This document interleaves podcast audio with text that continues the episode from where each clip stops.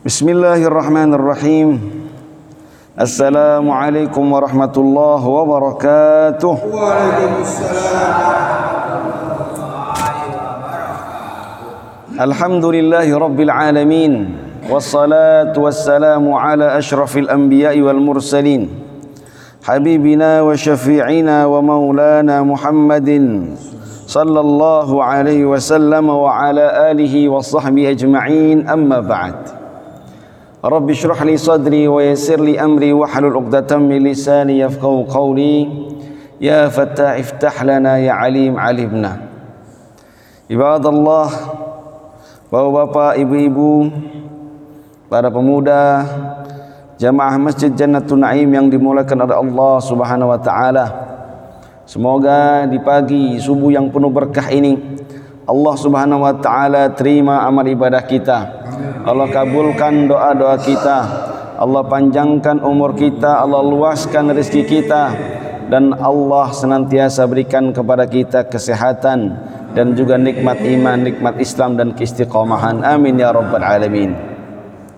Jamaah sekalian dimulakan oleh Allah Subhanahu wa taala suatu ketika di malam-malam Ramadan Abu Hurairah radhiyallahu taala anhu diperintahkan oleh Rasulullah sallallahu alaihi wasallam untuk menjaga zakat fitrah. Dikumpulkan zakat-zakat fitrah di malam akhir bulan Ramadan.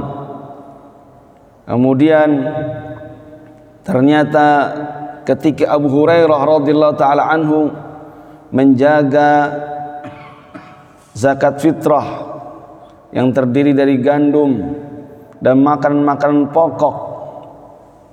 Ada orang yang datang mencuri makanan tersebut, mengambilinya, memasukkannya ke dalam kantong dan Abu Hurairah mendapatinya. Kemudian ia tangkap. Ditangkap kata Abu Hurairah radhiyallahu taala anhu la arfa'annaka ila Rasulillah sallallahu alaihi wasallam. Saya akan bawa kamu ke Rasulullah wasallam karena kamu telah mencuri zakat fitrah.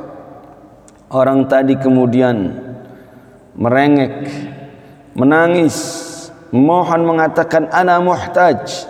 Saya orang yang sangat membutuhkan orang miskin wali iyal aku punya keluarga yang harus aku tanggung wa wali hajatun syadidah aku sangat membutuhkan miskin punya keluarga banyak itu mengeluh dia sehingga Abu Hurairah radhiyallahu taala anhu yang hatinya lembut pemaaf merasa iba kasihan lalu ia lepaskan Esok harinya Abu Hurairah bertemu dengan Rasulullah sallallahu alaihi wasallam.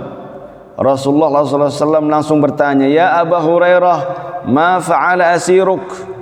Padahal Abu Hurairah belum cerita kepada Rasulullah, tapi Rasulullah wasallam sudah tahu. Karena Rasulullah wasallam didatangi wahyu dan diberitahu. Rasulullah sallallahu langsung bertanya, "Ma fa'ala asiruk?" Wahai Abu Hurairah, bagaimana kabar asiruk tawanan kamu tadi malam ma fa'ala asiruka al-barihah bagaimana cerita atau kabar tawanan kamu tadi malam mungkin Abu Hurairah sedikit kaget tapi mungkin juga enggak kaget. Karena sudah biasa yang namanya Rasulullah SAW terkadang atau sering mengetahui berita tanpa perlu dikasih tahu. Karena sudah dikasih tahu oleh Allah Subhanahu wa taala langsung melalui wahyu. Sehingga kata Abu Hurairah dia ketika aku tangkap dia mengeluh. Mengeluh miskin karena miskin mengeluh karena punya banyak tanggungan memiliki hajat-hajat yang banyak sehingga aku lepaskan aku kasihan dan aku lepaskan kata Rasulullah SAW fa'alam innahu kadzabaka wa sayaudu ketahuilah Abu Hurairah dia telah membohongimu dan akan datang lagi. Kata Abu Hurairah, alim tu annahu sayaud.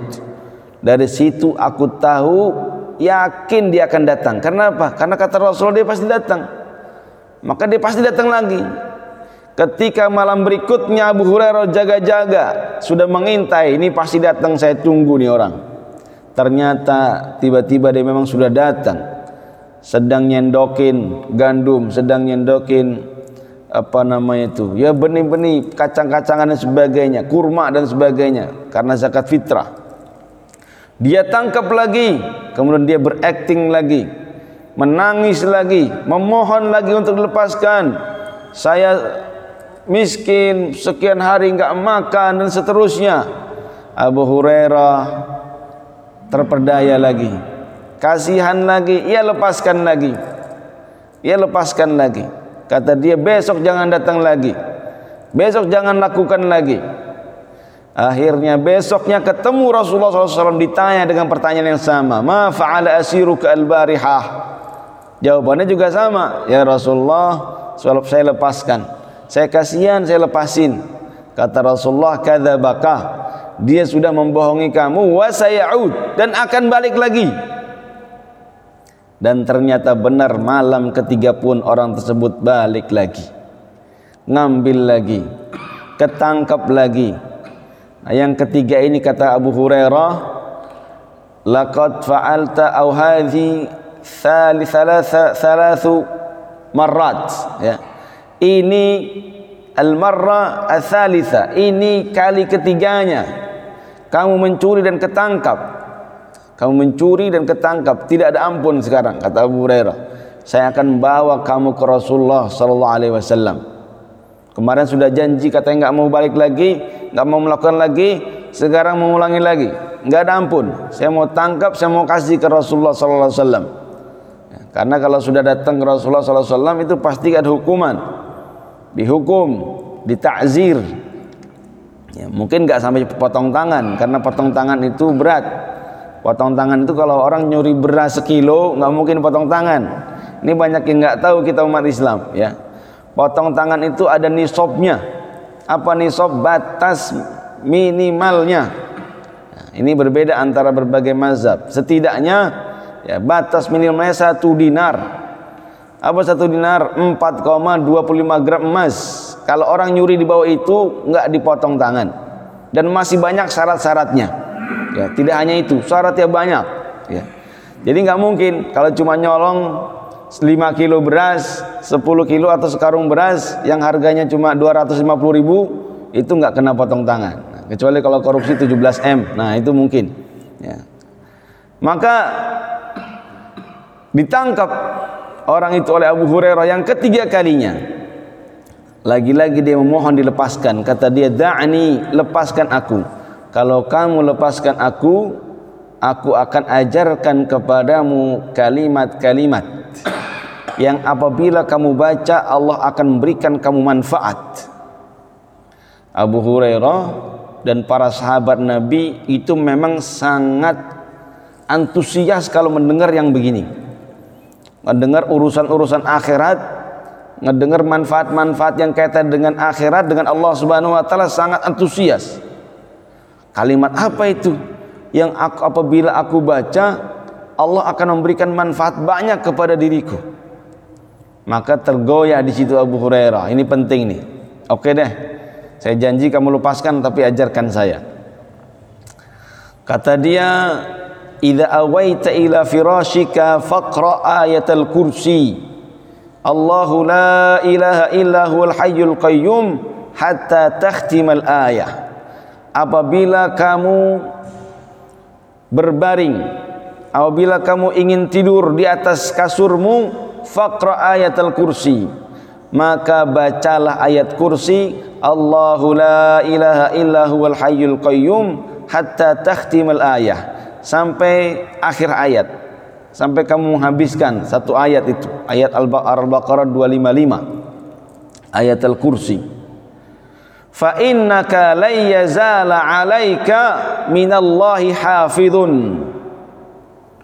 wa la yaqrabaka syaitanu hatta tusbih. Apa manfaatnya? Kata orang tadi fa innaka la yazala 'alaika minallahi hafidh sungguh engkau akan terus dijaga oleh Allah Subhanahu wa taala. Yang pertama, yang kedua, walai yakrobaka syaitanun. Dan tidak akan sama sekali setan mendekat kepada kamu hatta tusbih sampai waktu pagi. Saya ulangi, kata dia, kalau kamu baca ayat Al-Kursi ketika kamu mau tidur, kamu akan terus dijaga oleh Allah Subhanahu wa taala dan setan tidak akan mendekatimu sampai waktu pagi, sampai masuk waktu pagi. Akhirnya dilepaskan karena sudah menyampaikan informasi yang penting itu. Tapi yang namanya begitu perlu dikonfirmasi ini benar apa enggak. Hmm. Besoknya ketemu lagi dengan Rasulullah sallallahu alaihi wasallam. Rasulullah juga sallallahu alaihi wasallam juga sudah tahu, ditanya lagi, "Ma fa'ala asiruka al-bariha ya Abu Hurairah?" Ada apa kabar cerita tentang tawanan kamu tadi malam? Abu Hurairah menceritakan orang itu minta dilepaskan tetapi dengan kompensasi dia ngasih tahu kalimat-kalimat yang apabila aku baca Allah akan memberikan manfaat kepadaku. Diceritakan apa kata dia? Kata dia apabila kamu mau tidur baca ayat kursi dari ayat dari Allahu la qayyum sampai akhir sampai ayat sampai akhir ayat. Kemudian Allah Subhanahu wa taala akan menjagamu sampai pagi dan setan tidak akan mendekatimu sampai pagi. Komentar Rasulullah sallallahu alaihi wasallam ama innahu qad sadaqaka wa huwa kadzub ama innahu qad sadaqaka wa huwa kadzub ketahuilah wahai Abu Hurairah dia berkata benar meskipun dia itu pembohong. Kata dia dia orang itu berkata benar. Artinya tentang ayat kursi itu, itu benar. Begitu memang. Kalau kita baca ayat kursi maka Allah Subhanahu wa taala akan lindungi kita. Kita baca malam dari mulai malam itu kita tidur sampai subuh Allah jaga kita dan tidak akan ada syaitan satupun yang mendekati kita. Kata Rasulullah itu benar. Sadaqaka wa huwa kadzub. Dia sudah berkata benar meskipun dia itu pembohong. Tapi membohong orang itu. Tapi kali ini benar nih. Kata Rasulullah sallallahu alaihi wasallam ya Abu Hurairah atadri man tukallimuhu atau man yukallimuka hadhi hadhi thalatha atau hadhi layali ats-thalatha wahai Abu Hurairah kamu tahu siapa yang kamu obroli atau yang kamu ajak bicara selama tiga malam ini? Maksudnya tawanan itu yang ditangkap. Kata Abu Hurairah lah saya enggak tahu siapa itu Kata Rasulullah sallallahu alaihi wasallam, "Dzaka syaitan." Itu adalah setan. Jadi yang ngasih tahu ayat kursi itu sakti, yang ngasih tahu ayat kursi itu ditakuti oleh setan yaitu setan sendiri. Yang ditangkap oleh Abu Hurairah. Cerita ini cerita benar ya. Karena di hadisnya di hadis Sahih Bukhari dan tidak hanya satu riwayat, banyak riwayatnya.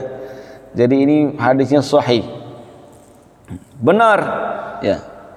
Jadi apa yang bisa kita ambil hikmah daripada cerita ini yaitu keutamaan ayat kursi. Apabila kita baca di malam hari Allah akan jaga kita sampai pagi. Kita baca pagi Allah jaga kita sampai malam dan terus begitu.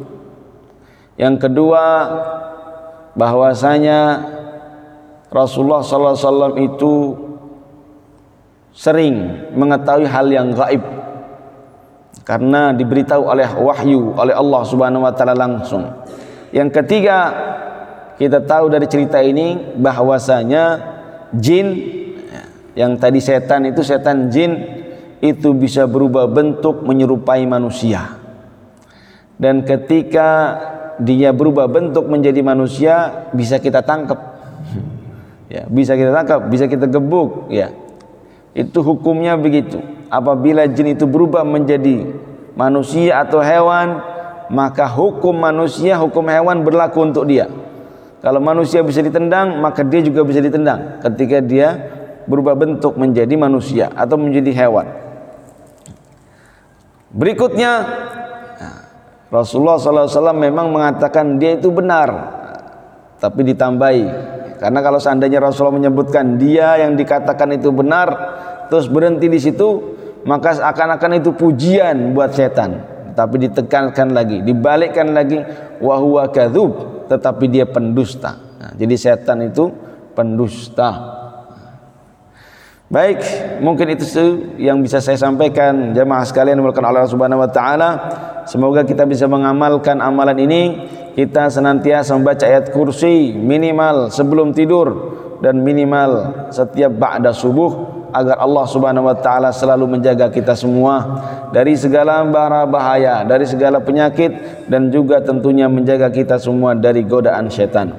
Kita berdoa kepada Allah Subhanahu wa taala, semoga Allah Subhanahu wa taala memberikan kepada kita hidayah istiqamah dan memberikan kepada kita sehat wal afiyah agar kita senantiasa bisa taat kepada Allah Subhanahu wa taala, diberikan umur panjang dalam ketaatan, istiqamah hingga husnul khatimah. Ala hadhihi niyya wa ala kulli niyatin salihah ila hadratin nabiyil mustafa Rasulillah sallallahu alaihi wasallam. Al-Fatihah. أعوذ بالله من الشيطان الرجيم. بسم الله الرحمن الرحيم. الحمد لله رب العالمين. الرحمن الرحيم. مالك يوم الدين. إياك نعبد وإياك نستعين. اهدنا الصراط المستقيم. صراط الذين أنعمت عليهم غير المغضوب عليهم ولا الضالين. آمين. أستغفر الله العظيم أستغفر الله العظيم أستغفر الله العظيم. الحمد لله رب العالمين. اللهم لك الحمد وإليك المشتكى وأنت المستعان وإليك التكلن اللهم اغفر لنا ذنوبنا وذنوب والدينا وارحمهم كما ربونا صغارا ولجميع المسلمين والمسلمات والمؤمنين والمؤمنات الأحياء منهم والأموات. إنك سميع قريب مجيب دعوتي يا قاضي الحاجات. اللهم إنا أصبحنا منك في نعمة وعافية وستر. فأتم نعمتك علينا وعافيتك وسترك في الدنيا والآخرة. اللهم إنا نسألك رضاك والجنة ونعوذ بك من سخطك والنار. اللهم بارك لنا في رجب وشعبان وبلغنا رمضان وبلغنا رمضان وبلغنا رمضان يا أرحم الراحمين. اللهم إنا نسألك أن تستجيب دعانا وترحمنا وترحم أمواتنا وترحمنا والدينا وارحمهم كما ربونا صغارا. اللهم إنا نسألك علما نافعا ورزقا طيبا وعملا متقبلا برحمتك يا أرحم الراحمين. اللهم إنا نعوذ بك من علم لا ينفع ومن قلب لا يخشى ومن دعوة لا يسمع ومن دعوة لا يستجاب لها يا أرحم الراحمين. يا ربنا نسألك السلامة نسألك السلامة والاستقامة والمعافاة دائما في الدين والدنيا والآخرة. نسألك رضاك والجنة ونسألك حسن الخاتمة ونسألك حسن الخاتمة. يلا بها يلا بها يلا بحسن الخاتمة. ربنا آتنا في الدنيا حسنة وفي الآخرة حسنة وقنا عذاب النار. وصلى الله على نبينا محمد وعلى آله وصحبه أجمعين. سبحان ربك رب العزة عما يصفون والسلام على المرسلين والحمد لله رب العالمين. صلى الله على محمد.